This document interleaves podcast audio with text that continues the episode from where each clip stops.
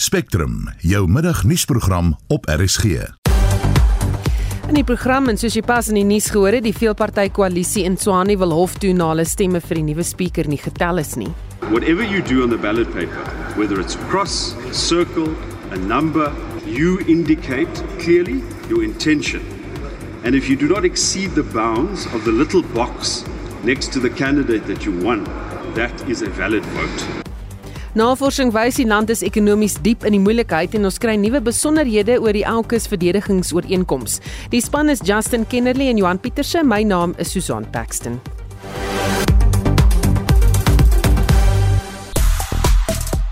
Steve Smith word aangewys as Australië se kaptein vir die opkomende eendagreeks teen Indië en die Spanjaard Carlos Alcaraz bly op koers om die nommer 1 posisie op die tennis wêreldranglys oor te neem. Ek is Shaun Schuster vir RSG Sport. Hoewel Suid-Afrikaners steeds steier onder fase 4 beerdkrag trek die hit stage 1 heelwat aandag met meer as 160 000 tweets en op die noot van beerdkrag dis een van die argumente waarop die EFF-leier Julius Malema hom beroep om Suid-Afrikaners aan te moedig om deel te neem aan die party se nasionale betoging volgende maandag die 20ste Maart en ons berig ook later in die program juis hieroor. The streets are calling. Wherever you are, make your voice be heard. If you are not waking, it is your day to show that you are concerned. We are tired of corruption. Crime is too high. Nou ja, as jy hoor praat almal daaroor en dis die klank daar van Julius Malema, nou die EFF leier Julius Malema wil hê dat jy eerskomende maandag saam met die EFF aan sy nasionale betoging moet deelneem. Sal jy deelneem om jou ontevredenheid met die regering uit te spreek of weier jy dalk omdat dit 'n politieke party is wat die betoging lei? Stuur vir ons jou mening na 45889 teen R1.50. Praat saam op Monitor en Spectrum se Facebook bladsy of WhatsApp vir ons stemnota. Ons wil graag van jou hoor na 076 536 6961. Sy bykans 8 minute oor 12 jy luister na Spectrum en of Suid-Afrika in 'n resessie beland al dan nie ekonomies is die land diep in die moeilikheid so sê ekonome van die Buro vir Ekonomiese Ondersoek. Die kabinetskommeling, die BBP syfers asook die kredietgradering van S&P het nie baie vertroue in die markte ingeboesem nie. Ons praat nou met 'n ekonom van die Buro vir Ekonomiese Ondersoek, Hugo Pinaar. Goeiemôre Hugo.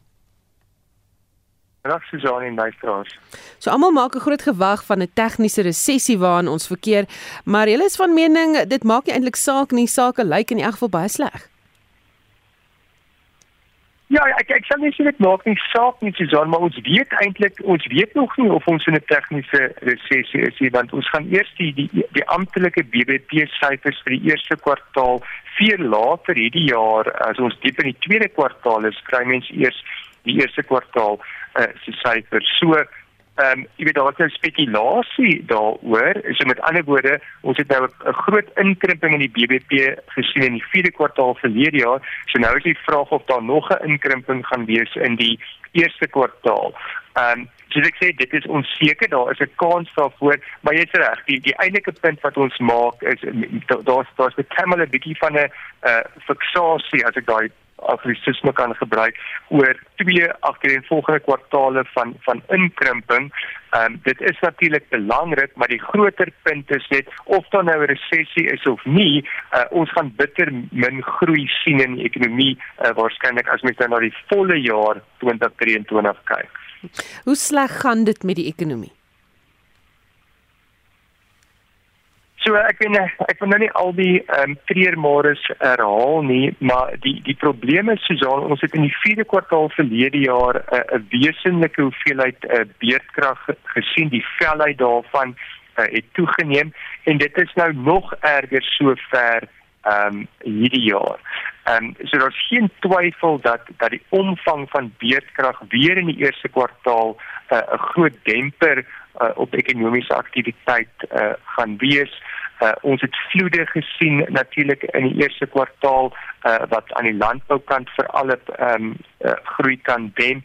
Uh, en dan is die wêreldekonomie uh, nie op, op besondere goeie plek nie hoewel Suid-Afrika uh, het so behoort te kry uit die Chinese ekonomie uh, wat nou oopmaak na hulle uh, COVID probleme uh, verlede jaar. Uh, maar so als en als ehm um, lyk dinge uh, nie goed nie, maar daar is 'n paar tegniese goed wat ek dink nou al die details oor sal gee nie.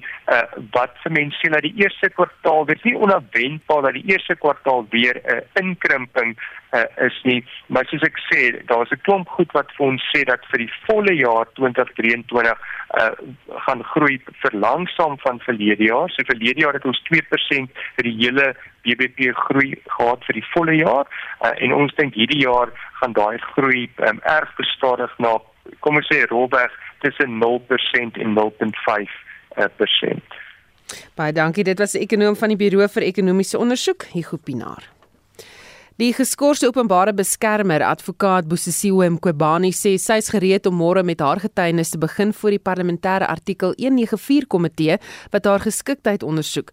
Sy het die stelling gemaak buite die Hooggeregshof in Kaapstad waar die komitee voorsitter, Kobedile Djantji en die LP Kevin Mailam haar aansoek teenstaan om hulle self nie van die komitee te onttrek nie.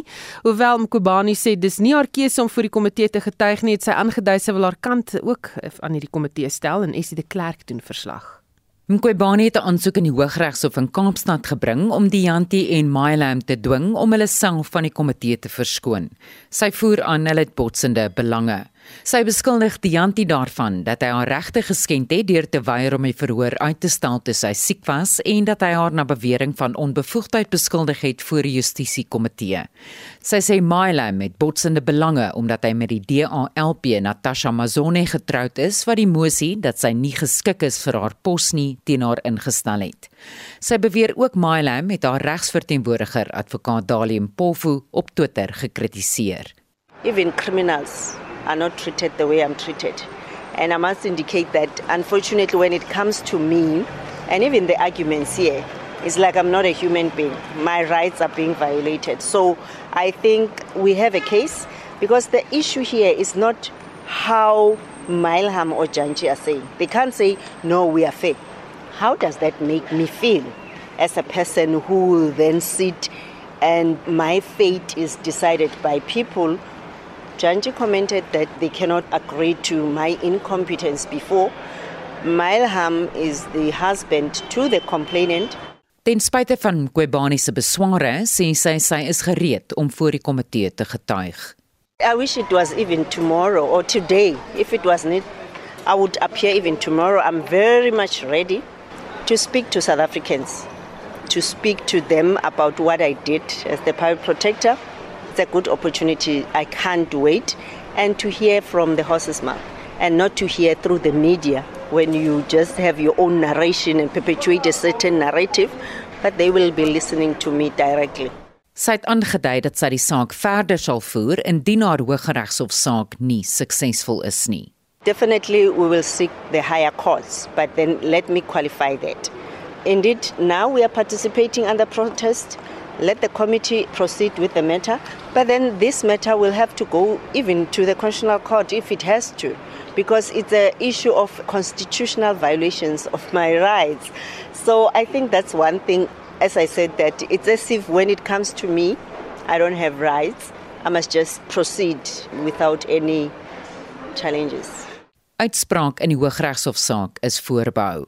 Die verslag is saamgestel deur Joseph Mosia. Ek is Estie de Klerk vir SAK nuus.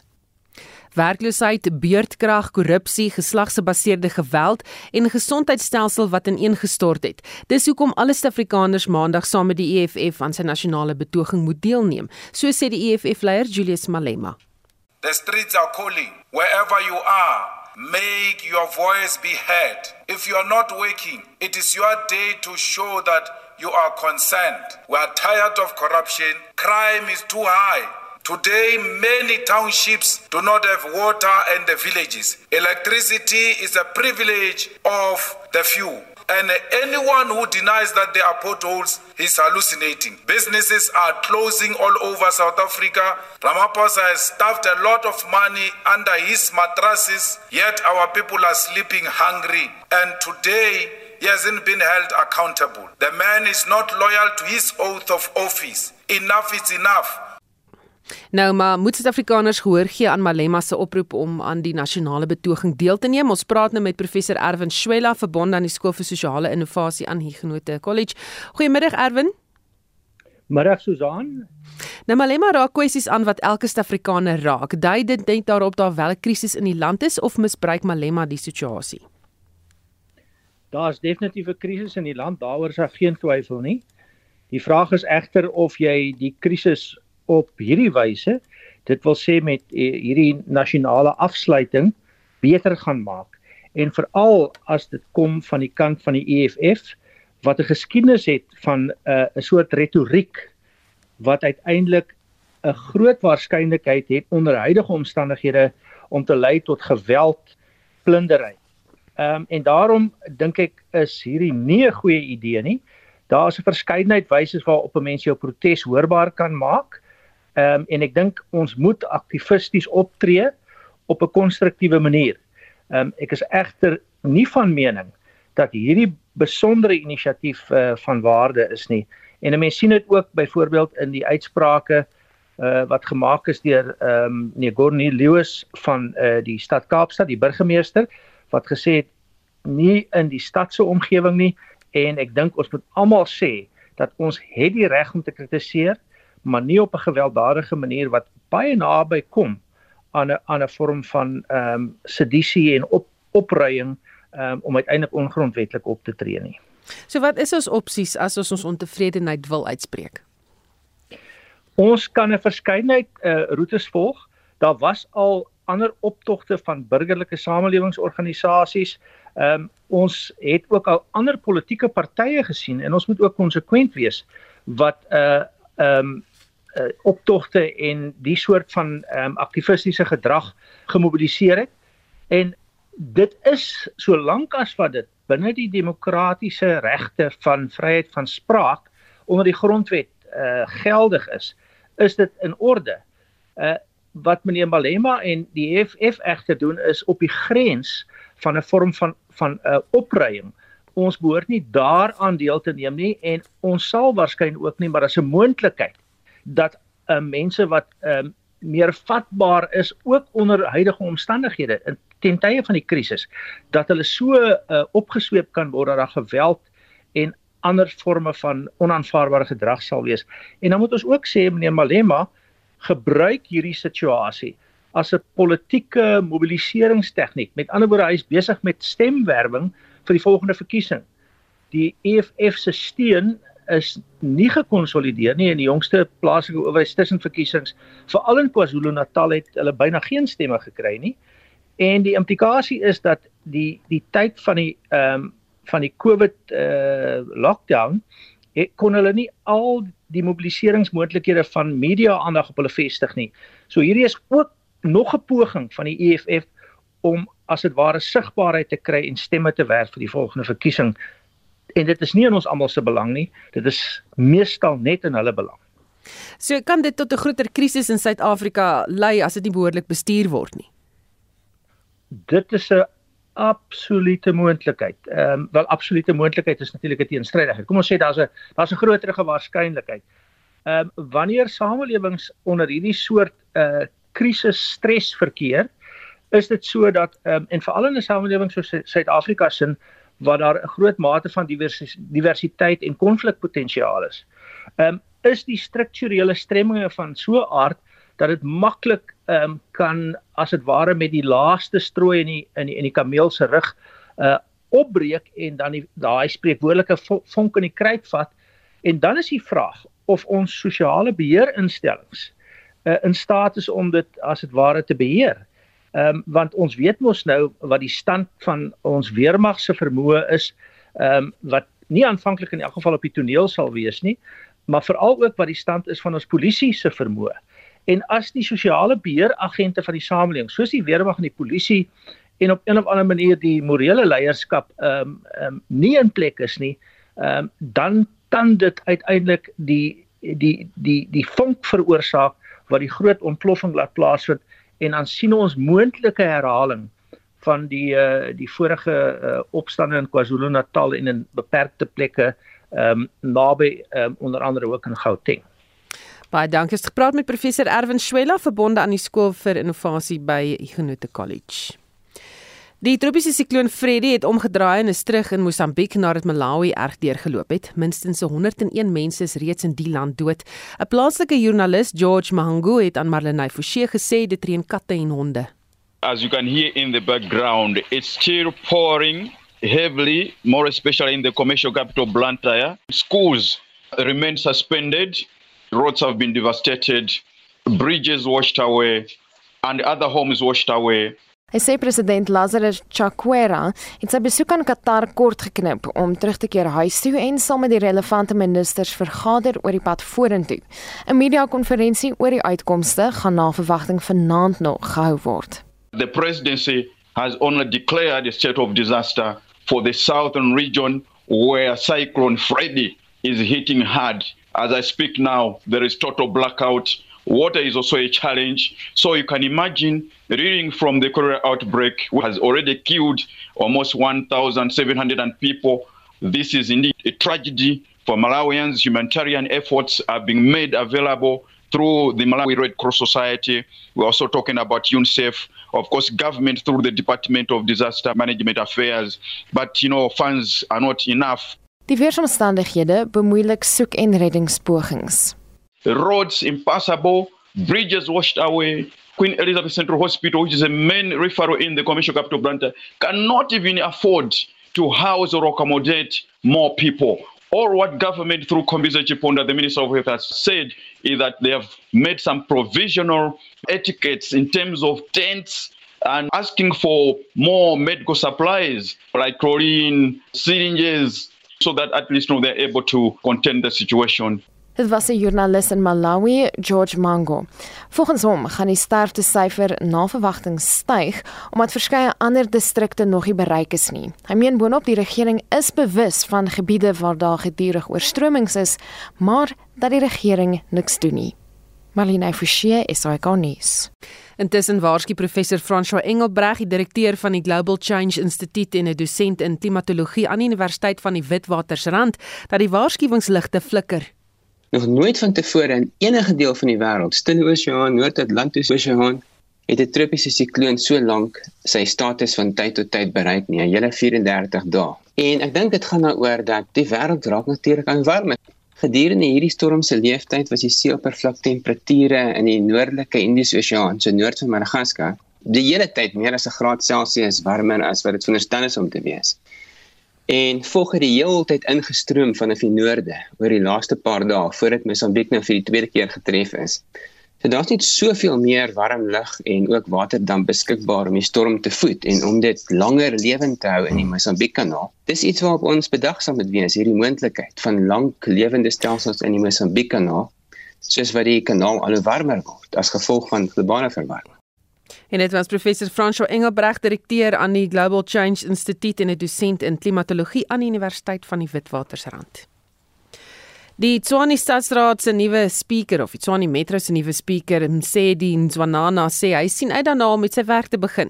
Hy is lid van die African Transformation Movement en in die DA se veelpartytjie se Kolofelo Morodi van Action SA geklop nadat die DA se 69 stemme as ongeldig verklaar is. The culture that needs to be in this city from now on is to recognize everybody as equal. As a speaker, I mustn't have a minority party. I mustn't have a majority party. I must have the organization, a people that I work with, a unity or parties that are willing to form a unity in this city so that we move forward. Nou ja, die DA dreig nou intussen met regstappe en ons praat nou met die leier van die koalisie Dr. Corneil Mulder. Goeiemôre Corneil. Goeiemôre Susan. Die DA se stemme is as ongeldig beskou glo omdat hulle hul stembriewe genommer het. Ehm um, hoekom het hulle dit gedoen? Ons weet nie of dit hulle stembriewe is nie. Dit is die absurditeit daarvan. Mense kan 'n afleiding maak en sê dit is waarskynlik of moontlik die DA se stembriewe, maar niemand kan ooit sê of bewys dat dit die DA se stembriewe is nie. Die ongelooflike hier is is dat ons mos dood eenvoudig gister 'n spreker verkies het. Daar moes 211 mense stem. Hoe lank kan dit nou vat vir 211 mense om te stem? Maar die ANC het die vergadering ontwrig van gisteroggend 10:00 af tot laasnag. Die proses is afgehandel by 1:00 vanoggend omdat hulle nie werklik in demokrasie glo nie. So die probleem is daar is gestem die OVK se werk is om die proses laat normaal verloop en om te kyk of op die stembrief daar 'n aanduiding is van die wil van elke kiezer wat gestem het. Dit is baie duidelik so. Ook selfs in terme van die handleiding wat die OVK gee oor die riglyn vir hoe stemme, geldige stemme uitgebring kan word. Wys stembriewe wat 'n nommer opgeskryf is in die blokkie in plaas van 'n kruisie as 'n voorbeeld van 'n geldige stem. So dit is die die die riglyn wat die uh, OVK in die verlede ook al gegee het om nou te kom en te sê dit is ongeldige stemme beteken hulle 33% van die kiesers van Tswane gisterand ontkiezer. So ek hoor wat hierdie nuwe man sê as die speaker en hoe opgewonde hy is om te begin werk. Ek het onlangs Makorella gehoor om dieselfde storie en uh, ons kyk hoe lank hou hierdie een. Nou, daar's 'n video op Facebook waar ehm um, jy weet een persoon 'n ander persoon skop en die persoon word ook rondgeruk. Ehm um, dit lyk of dit chaos was daar. Daar was nie chaos daar gewees nie. Die ANC het hulle soos rampokkers gedra. Dit is die ANC waarvan Lesofie die leier in Gauteng is en Suid-Afrika moet daarvan kennis neem. Ehm um, die stemmery het uiteindelik gistermiddag 4uur begin. Nadat 'n derde van die raadslede gestem het, het die ANC die podium gestorm, die stembusse probeer verwyder en van die stembriewe uit van die mense se hande daar geruk sodanig so dat die OVK toe die stemmery opgeskort het omdat hulle geweld vrees. Dit is die voorbeeld wat die ANC stel. Daar was geen konfrontasie of geen optrede van die uh, veelpartytjie van partye nie. Inteendeel. Dit is die ANC se manier. Die ANC is nie demokrate nie. Hulle probeer om 'n stemsituasie te manipuleer as hulle nie hulle sin kry nie. En as hulle klaar dit gedoen het op hierdie manier, dan kry jy hierdie hoogheilige uh, gediggie wat ons sopas gehoor het van die nuwe beweerde verkose kandidaat. Nou dis die eerste keer wat my betref sedert 1994 dat ons 'n situasie het waar die uitslag van die stemmery sê 'n sekere persoon het gewen en die OFK verklaar 'n ander persoon as die wenner. So daar's ook 'n hele debat oor die anonieme stemproses. Hoekom is 'n geheime stemming toegelaat? Ja, kom ek sê dit dit is verskriftelik deurdat die grondwet of nie die grondwet nie, die die die, die strukturewet bepaal dat wanneer jy 'n burgemeester of 'n speaker verkies, moet dit 'n geheime stemming wees tussen skedule 3. En dit is 'n baie mooi edel bepaling wat bedoel was om te sê dat 'n persoon daar kan stem volgens sy gewete. Dit klink in teorie baie mooi, maar dit het nou iets verander in iets totaal anders. Eh, dit verander in 'n vieslike ding. Dat dit 'n dekmantel word vir omkopery en afpersing en intimidasie. Dat mense moet stem anders as wat wat hulle party mandaat sê. Want individue wat die partye daar verteenwoordig is nie vir hulle self daar nie. Hulle verteenwoordig die kiesers wat hulle verkies het en die kiesers het gestem vir 'n spesifieke politieke party en daarom kan daar 'n koalisie regering gevorm word en dit word nou op hierdie manier gehanteer. My groot bekommernis is dit stel hier 'n voorbeeld wat ons baie duidelik van moet kennis neem met die oog op volgende jaar se verkiesing. Die ANC is nie van plan om vrywillig mag af te gee nie. Ons moet dit weet en doen wat nodig is om hulle te help om dit te verstaan. En sê vir my, wat is nou die pos eh, of die pad eerder vorentoe? Wel, die pad vorentoe is daar is nou geen manier om mense nou eenvoudig dit kan aanvaar nie by enige verkiesing as dit klaar is, dan word daar 'n vormpie opgestel en dan word daar gesê al die partye wat deelgeneem het teken dat hulle die uitslag aanvaar. Niemand van ons het dit geteken, niemand ons aanvaar nie daardie uitslag nie. Jy kan nou dink 69 stemme uit 211 word na bewering nou ongeldig verklaar alhoewel hulle eie voorbeeld daarvoor voorsiening maak. So die pad vorentoe is ons is op die men, op die oomblik besig om regsadvies in te win. Ons het 1 uur het ons 'n vergadering van die veelpartytjie tegniese komitee. Ons sal dan handel met die advies, maar dit kan moontlik lei na 'n hofaansoek om hierdie hierdie fiasco of hierdie kaperjolle van gister uh, on, ondergeldig te verklaar. Baie dankie. Dit was die leier van die koalisie, Dr. Corneil Mulder. Jy luister na Spectrum elke weekmiddag tussen 12 en 1. Nog in die nuus Suid-Afrika vaar sleg op die klimaatsverandering vereistes barometer. Afraid to say that it's not entirely surprising and if we look at the way that the report categorizes the different efforts makes a lot of sense. En wetenskaplikes waarsku oor 'n moontlike vulkaan of ja, vulkaanuitbarsting in die Republiek van die Kongo bly ingeskakel.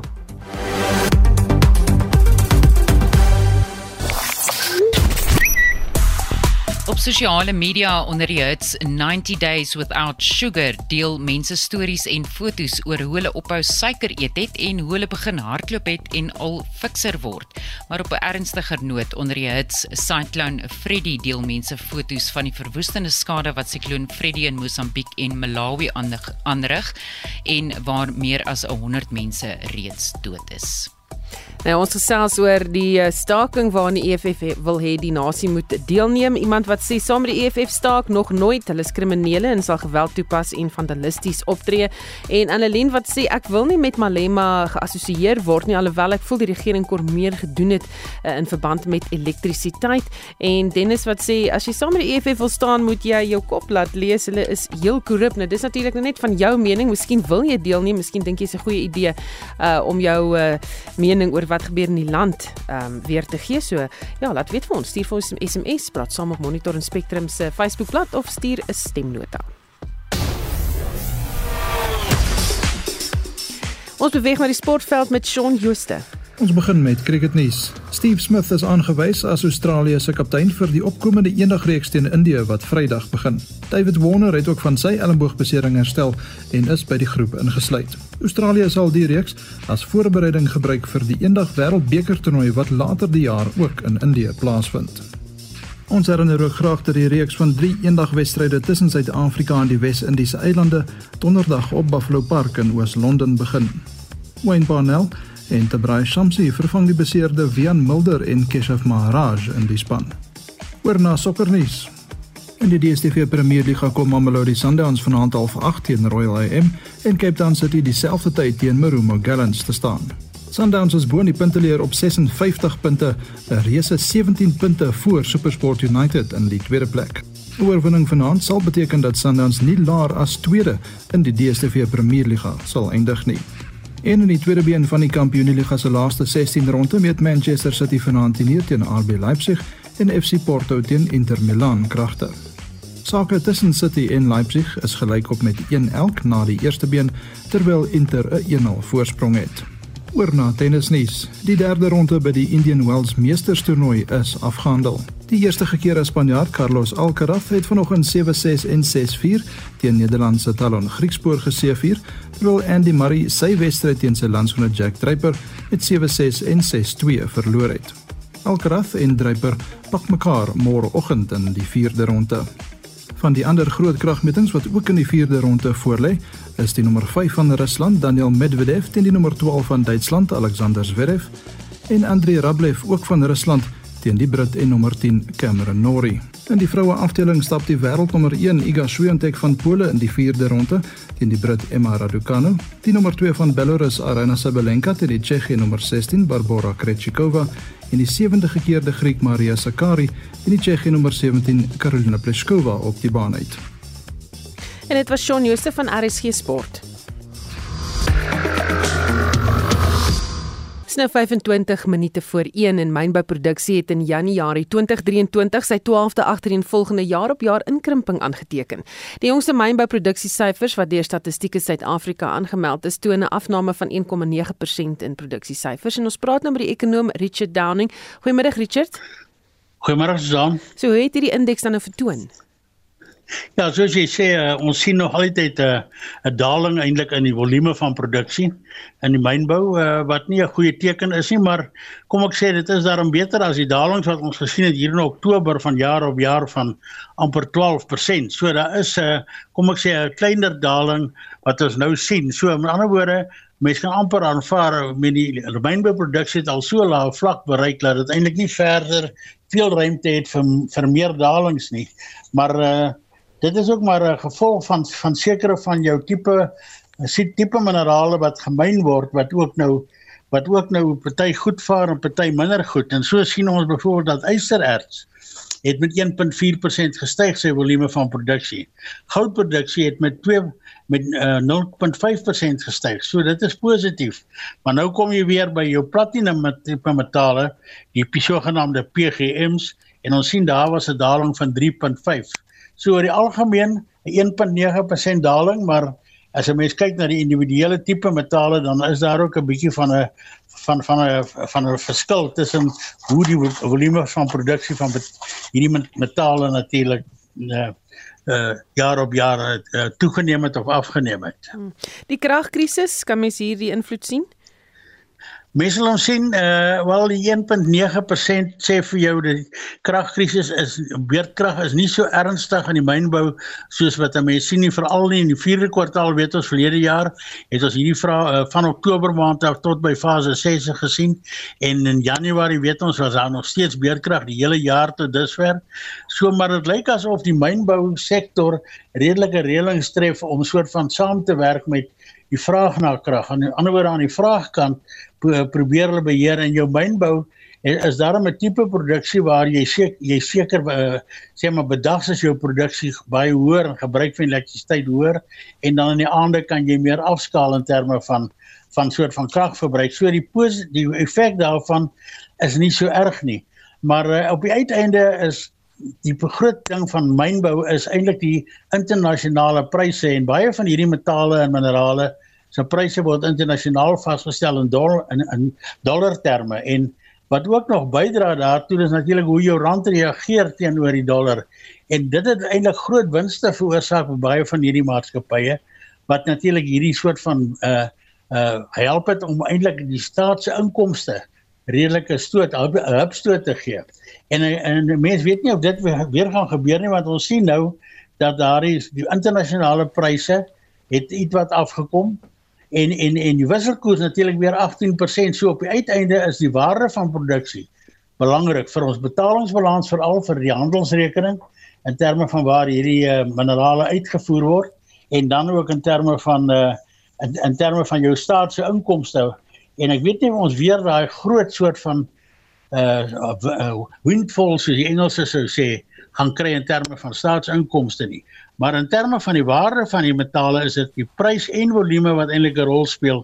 En daar sien ons dat uh veral jou jou krom uh erts het 'n redelike nommer 1 posisie uit met so 68% toegeneem jaar op jaar die waarde. Ek meen uh, ja, die waarde van produksie terwyl jou goud uh, jou goudverkope die waarde daarvan het 28% gestyg. En in totaal het jou hele 'n uh, mynbou sektor se waarde van die verkope wat hulle gehad het met 6.8% gestyg wat baie grootliks soos ons nou sien eintlik verband hou met die internasionale pryse en jou wisselkoers wat geld op daai hmm. stadium. Baie dankie, dit was die ekonom Richard Downing. Die leiers van Brittanje, Amerika en die FSA het besonderhede verskaf oor die AUKUS verdedigingsooreenkoms wat in 2021 tussen die lande gesluit is. Dit sluit die verskaffing van kernaangedrewe duikbote aan Australië in. Hier is president Joe Biden van die FSA, premier Anthony Albanese van Australië en die Britse premier Rishi Sunak. Our common values, our shared vision, a more peaceful and prosperous future unite us all across the Atlantic and Pacific. The AUKUS agreement we confirm here in San Diego represents the biggest single investment in Australia's defence capability in all of our history. Joe, Anthony, we represent three allies who have stood shoulder to shoulder together for more than a century, and three democracies that are coming together again to fulfill that higher purpose of maintaining freedom, peace and security. In 'n uh, familie oor praat ons nou met professor Abel Estreise van die fakulteit Krygskunde aan die Universiteit Stellenbosch. Goeiemôre Abel. Goeiemôre. Met uh, wie werk Australië saam om die Chinese invloed in die gebied teen te werk dan? Ja, 'n uh, mens, miskien moet ek twee opmerkings maak voordat ek jou vraag antwoord. Die een is dat 'n mens moet verstaan Australië is 'n eilandstaat. Uh, en soos Brittanje is dit afhanklik van die maritieme omgewing en veiligheid in die maritieme omgewing om hulle ekonomie aan die gang te hou. Dink dis 'n belangrike punt om te maak. En dan die tweede punt is die feit dat die Stille Oseaan streek toenemend besig is om maritiem te bewapen. Die Chinese is besig met 'n maritieme bewapeningsplan, die uh Indiërs is besig met 'n maritieme bewapeningsplan, Japan is besig om maritiem te bewapen. Ehm um, En dan moet mense in ag neem dat uh, Australië 'n belangrike bondgenoot vir Brittanje en die VSA in die Stille Oseaan streek is. En dis maar die agtergrond waar waar agter hierdie uh, besluite nou geneem word. Hmm. Nou China beskuldig die lande nou daarvan dat hulle die koue oorlog op diep hier is uh, Sunak se reaksie. You know, China is a country with fundamentally different values to ours and it represents a challenge to the world order. And that's why it's right that we are alert to that and take steps to protect ourselves, protect both our values, stand up for our values and protect our interests. Wat dink jy hiervan? Ja, daar's natuurlik baie wat sal argumenteer dat Amerika ook 'n uh, wêreldorde bedreig. Uh so dis maar uh die die geostrategiese spanningslyne wat ons hier aan die orde sien en ek sal nou nie te veel maak daarvan nie. Ehm um, wat wat baie interessant is natuurlik met die Australiese aankoop van van kernaangedrewe duikbote en dit is belangrik dat ons dit sê, dis kernaangedrewe aangedryf, dis nie kernbewapen nie. Is dat dit die eerste keer is dat 'n lid wat nie 'n uh, 'n ondertekenaar is van die kernsterk verdrag nie wel kernbuitbote aankoop en dit is interessant um, en ek dink dis waarskynlik die rede hoekom China so ongemaklik is omdat die die die republiek en die koninkryk van ehm um, van kernbewapening eh uh, kern ehm um, besit en eienaars nou besig is om uit te brei. Maar China is tog ook 'n belangrike handelsvernoot vir Australië. Ja, dit is ongelukkig die spanning waarmee waarmee jy baie keer in internasionale politiek sit. Ehm um, dit word so duidelik geïllustreer in die geval van Suid-Afrika ook. Ehm um, waar ons belangrikste handelsvernoot is die FSA in Europa en tog is ons polities uh, baie meer aan uh, China en en Russiese uh ideologie gekoppel wil ek amper sê in Australië se geval maar presies dieselfde. Hulle Chinese is hulle hoofhandelsvernoot op die oomblik, hulle grootste uitvoerder ehm um, van hulle produkte gaan na China toe, hulle hulle grondstowwe. Ehm um, maar ja, polities is uh Australië natuurlik totaal en al binne die westerse kamp van die VSA, Kanada, die VSA ehm um, Japan, Indië, uh, Suid-Korea, die die demokratiese weste sal ek maar sê. Kan 'n mens 'n verband trek tussen wat met Okkes gebeur en wat in Oekraïne gebeur? Ja, dit sal moeilik wees. Ek ek dink 'n deel van die motivering vir die bewapening van baie lande in die wêreld wat ons nou sien is maar ehm uh, dit wat aan die in Oekraïne aan die ontvou is ehm um, En natuurlik eh uh, uh, Australië 'n baie baie groot bondgenoot vir die Oekraïne. Daar is 'n wapentuig wat in Australië uit, uit aan Oekraïne geskenk word. Dit is baie interessant om te sien dat die Australiërs ehm um, die oorlog in die Oekraïne baie fyn dop baie ehm um, militêre kommentators uit Australië wat belangrike bydraes lewer om ons te laat verstaan wat daar aan die gang is. So daar's definitief 'n definitiewe ongemaklikheid uh in Australië rondom wat in die wêreld aan die ontvou is op die oomblik. Baie dankie, dit was professor Abel Estreise van die fakulteit Krygskunde aan Universiteit Stellenbosch. Suid-Afrika maak nie genoeg vordering in sy verbintenis tot die Parys Klimaatsooreenkoms en hernubare energie nie. Dit is volgens die jongste Climate Change Performance Index of CCPI wat pas bekend gemaak is.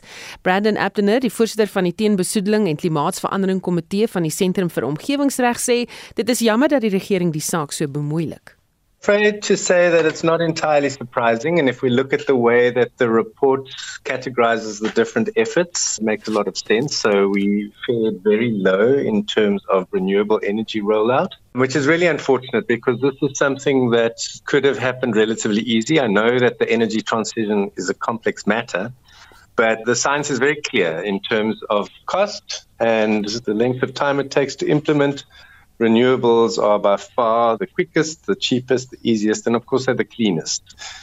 Being so heavily dependent on coal fired power, we are obviously one of the bigger emitters in the world at number 13.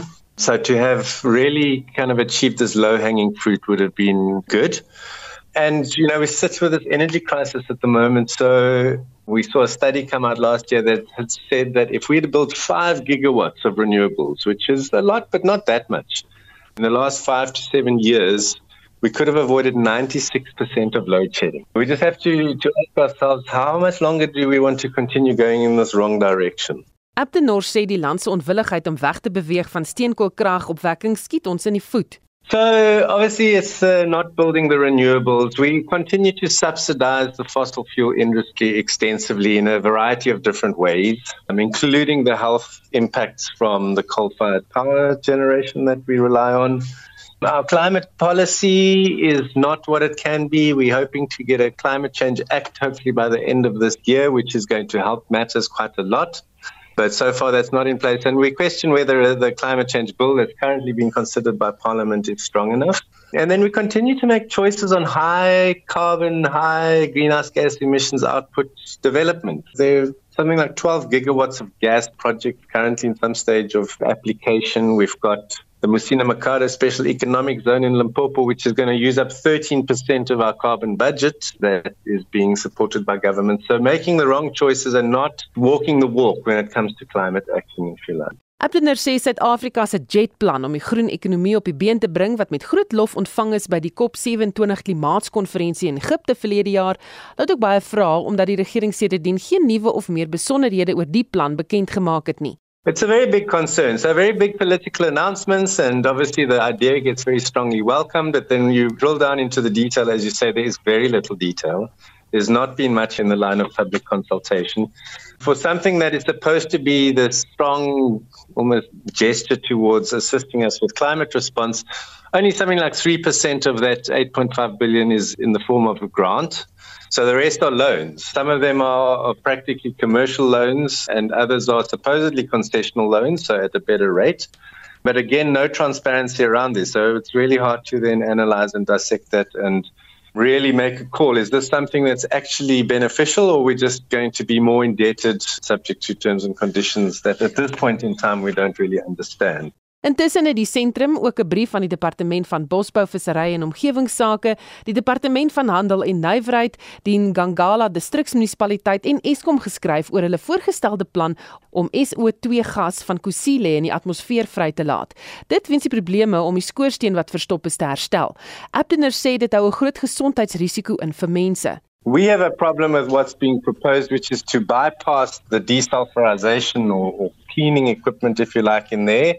They say they want to do that to construct temporary stacks, which means that they can get online with those units at Kusile more quickly.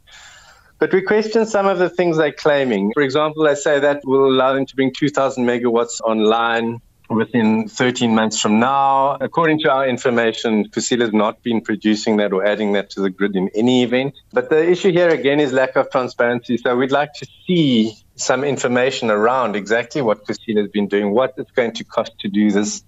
Are we missing an opportunity here? Are we basically using this situation to throw more money down a, a hole and try and keep the coal generation system going? En dit was Brandon Abdener voorsitter van die teenbesoedeling en klimaatsverandering komitee van die Sentrum vir Omgewingsreg. Die Brandfort Forum in die Vrystaat het 'n hofsaak gewen teen die Masilonyana munisipaliteit en privaat kontrakteur firma Mafuma oor die installering van kragmeters. Die Brandfort Forum het in hofstukke aangevoer dat die meters onwettig ingesit is en dat die geld nie by die munisipaliteit uitkom nie. Die forum se voorsitter, Frans Postumus, sê hulle veg sedert 2017 teen die installasie van die meters toe is daar so 'n kort uh, ooreenkoms met Eskom aangegaan. Hulle sou maandeliks hulle verbruik betaal en dan sou hulle die agterstallige skuld afbetaal het. En uh, dit het nie gerealiseer nie. Ek dink ons is laas jaar toe ek gehoor het was ons op 'n stadium iets soos 127 miljoen rand agterstallig. Ek dink dit is nou al heelwat meer as gevolg van die prepaid stelsel wat toe uitgekom het. Toe het ons nou die hofsaak gewen. Ons het 'n hofsaak gemaak dat 'n privaat kontrakteur begin elektriese voorafbetaalde meters insit.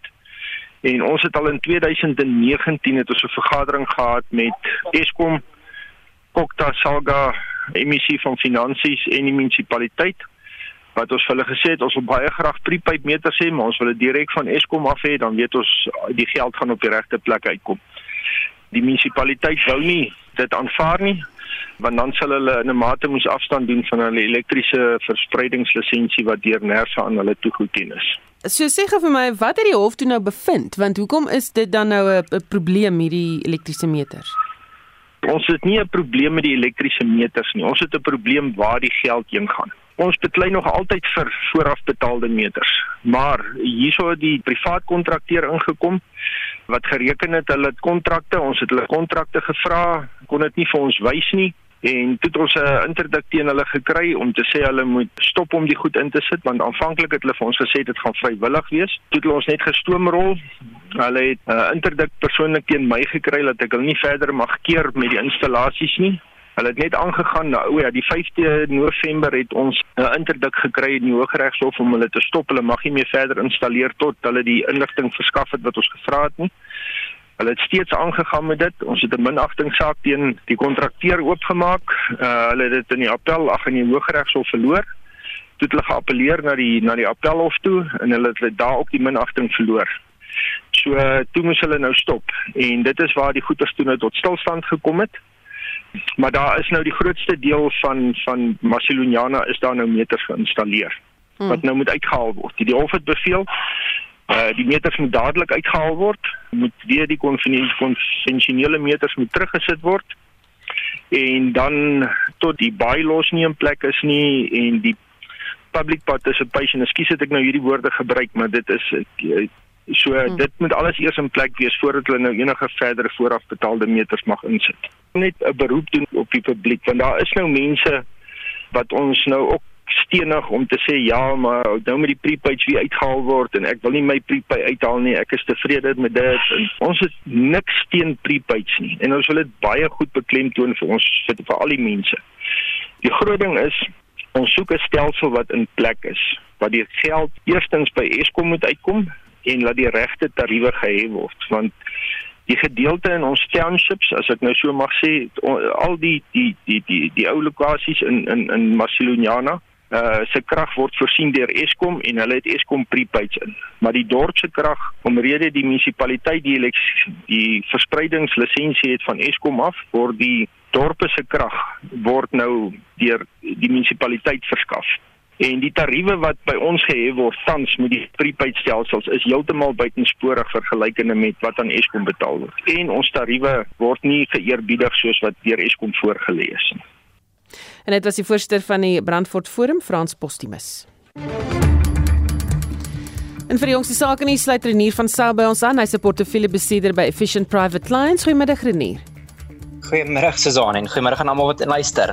Ons hou hom kort en kragtig vandag. Ek dink as ons wegspring met die uh plaaslike markte en ons kyk wat hier gebeur, verhandel ons in die rooi. Ons plaaslike mark is laer met so 0.9% op die oomblik. Nou hy volg hoofsaaklik die Chinese markte laer van vanoggend wat laer was met 0.7% en ons sien natuurlik dat uh, beleggers is nog steeds skrikkerig vir die gebeure rondom Silicon Valley Bank en uh dit kom ten spyte daarvan dat die Amerikaners gesê het hulle sal intree om 'n moontlike bankkrisis te vermy. Dan as ons kyk na die top aandele vir die dag, wat die beste en die slegste presteer, is uh, Sun International op met meer as 6.5%. Dit kom op haar rekord dividend van gister en dan natuurlik aan die ander kant van die muntstuk sien ons Transaction Capital wat onder andere WeBuyCars en SA Taxis besit. Hulle is laer met meer as 37% en hulle het gesê dat hulle verdienste met soveel as 20% kan daal, maar ek hou glad nie daarvan nie. Dan as ons kyk na die wisselkoers, het die rand verswak van volgens se vlakke. Hy staan teen 18.27 teen die dollar, 22.21 teen die pond en dan 19.58 teen die euro. As kyk na ons kommoditeite, is die prys van goud 0.5% af op 1902 dollars per fyn ons. Ons sien dat die prys van Brent ruolie is heelwat laer op 79 dollars 10 per vatjie Brent. Nou die Amerikaners lyk like asof hulle later positief wil oopmaak. Hulle wag natuurlik vir die nuutste inflasie syfers vir Februarie en dan natuurlik as ons in Europa kyk, verhandel meeste van die markte in die groen. Dis my storie vir vandag en ek hoop julle het 'n baie lekker dag verder. En dit was Renier van Self van Efficient Private Lines.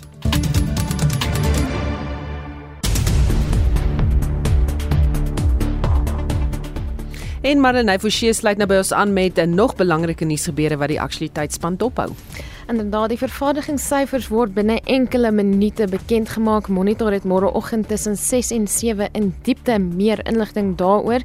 En dan nog 'n storie op ons radar. Is die DA-leier John Steenhuisen se konferensie vanmiddag om die media in te lig oor die stappe wat die party gaan neem om die EFF te verhoed om die land volgende week tot 'n stilstand te bring.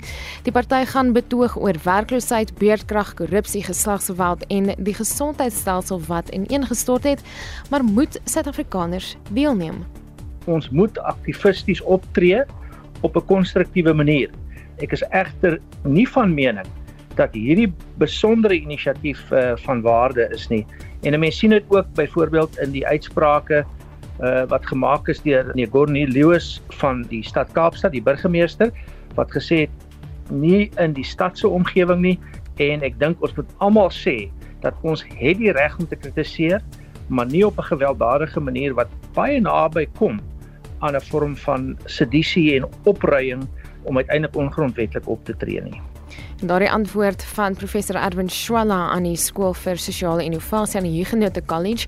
Die Buro van Ekonomiese Ondersoek sê intussen die land is diep in die moeilikheid te wyte aan die kabinetskommeling, die BBP syfers en die kredietgradering van S&P. Hier is die mening van 'n ekonoom by die Buro Hugo Pinaar. Daar's met Kamala 'n bietjie van 'n fiksasie as ek daai anglisisme kan gebruik oor twee agtereenvolgende kwartaale van inkrimping. Dit is natuurlik belangrik, maar die groter punt is net of daar nou 'n resessie is of nie, ons gaan bitter min groei sien in die ekonomie waarskynlik as mens nou na die volle jaar 2023 kyk. En 'n ander nuus, die woordvoerder van die veelparty koalisie in Tshwane Metro, Dr. Cornel Mulder, het kort tevore gepraat oor die wanorde tydens die kiesproses gisterand. Die stemmery het uiteindelik gistermiddag 4uur begin. Nadat 'n derde van die raadslede gestem het, het die ANC die podium gestorm, die stembusse probeer verwyder en van die stembriewe uit van die mense se hande daar geruk sodanig so dat die OFK toe die stemmery opgeskort het omdat hulle geweld vrees. Dit is die voorbeeld wat die ANC stel. Daar was geen konfrontasie of geen optrede van die veelpartytjie van partye nie. Inteendeel. Die ANC is nie demokrate nie. Hulle probeer om 'n stemsituasie te manipuleer as hulle nie hulle sin kry nie. Intussen waarsku vulkanoloë teen 'n moontlike uitbarsting in die vulkaniese uitbarsting daar in die Demokratiese Republiek die Kongo. Hulle sê die boepunt van die Nyamugalaria vulkaan in die ooste van die land gloei. Dis nou omdat die lava in vlakker dele van die vulkaan se krater nader aan die middel begin beweeg. Die laaste groot uitbarsting daar is aangeteken in 2011 en toe was dit die grootste uitbarsting in 100 jaar. En dit was Marlenae Forsie met 'n oorsig van die afgelope uur se belangrikste nuusgebeure en stories wat ons dophou. Onthou vorige uitsendings van al ons nuusaktualiteitsprogramme is op RC se webblad beskikbaar. Dis rc.co.za en skakel in om kwart voor 6 vir Brandpunt vanaand waar die spanne samevatting van die dag se nuus gebeure het. Ons het namens ons uitvoerende regisseur Nicoline de Wet, die redakteur Justin Kennerly en ons produksieregisseur Johan Pieterse. Ek is Susan Paxton. Geniet jou middag.